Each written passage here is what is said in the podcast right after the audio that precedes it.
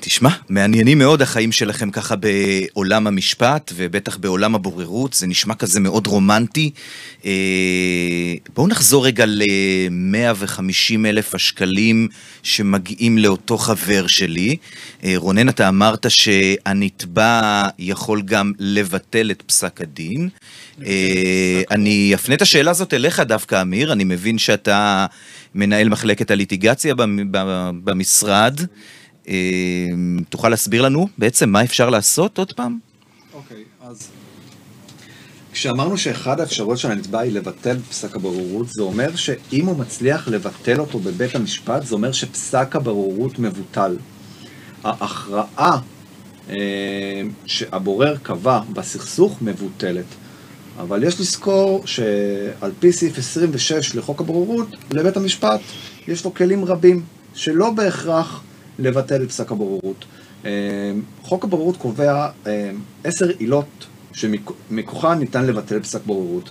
אבל למרות שיש את העשר עילות האלה, על פי סעיף 26א, בית המשפט רשאי לדח, אה, לדחות בקשה לביטול על אף קיומה של אחד העילות האמורות, אם, אם הוא היה סבור שלא נגרם עיוות דין. אני אתן לך דוגמה. אוקיי. Okay.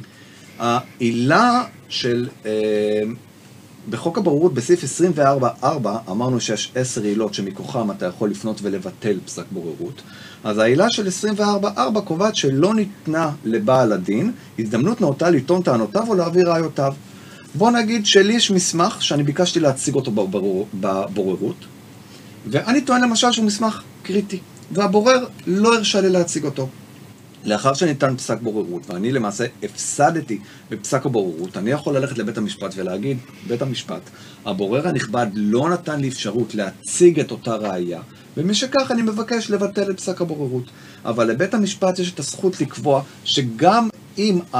לא הצגתי את המסמך הזה, אם המסמך הזה לא היה משנה למשל את התוצאה הכללית, אז למרות שאני נכנס בגדרה של תקנה 24.4 ולא ניתנה לי הזדמנות להציג את ראיותיי, עדיין לא נגרם פה עיוות דין.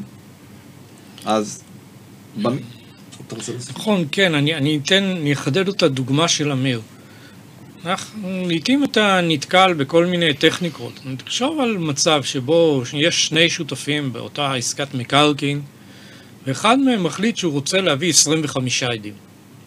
אתה בא ואומר, הבוררות עולה כסף, 25 עדים זה המון עדים על איזה עניין של עסקת מכר פשוטה. בוא נבדוק מה, מי, מה העדים, מי העדים שאתה רוצה ומה המטרה. יכול להיות ש-15 עדים מספיקים? ואולי אם אה, נבוא ונאמר שהעד ה-16 שבא לבוא ו... אה, שנועד לבוא ולהגיד שורה אחת שהיא איזוטרית לחלוטין לסכסוך, ואני נניח שלא התרתי את הבאתו, אז יכולים לבוא ולהגיד, אה, סליחה, כבוד הבורר, אתה לא הבאת, לא נתת לי להעיד מישהו. אבל אם זה עד כל כך איזוטרי, אחרי ששמעתי 15 עדים, בהחלט יכול להיות שבית המשפט יגיד, אני מקבל את החלטת הבורר, לא נגרם פה שום עיוות דין. על לבוא להביא את העד כדי להגיד שהיום יום אה, שלישי, תאריך כך וכך, יש גבול.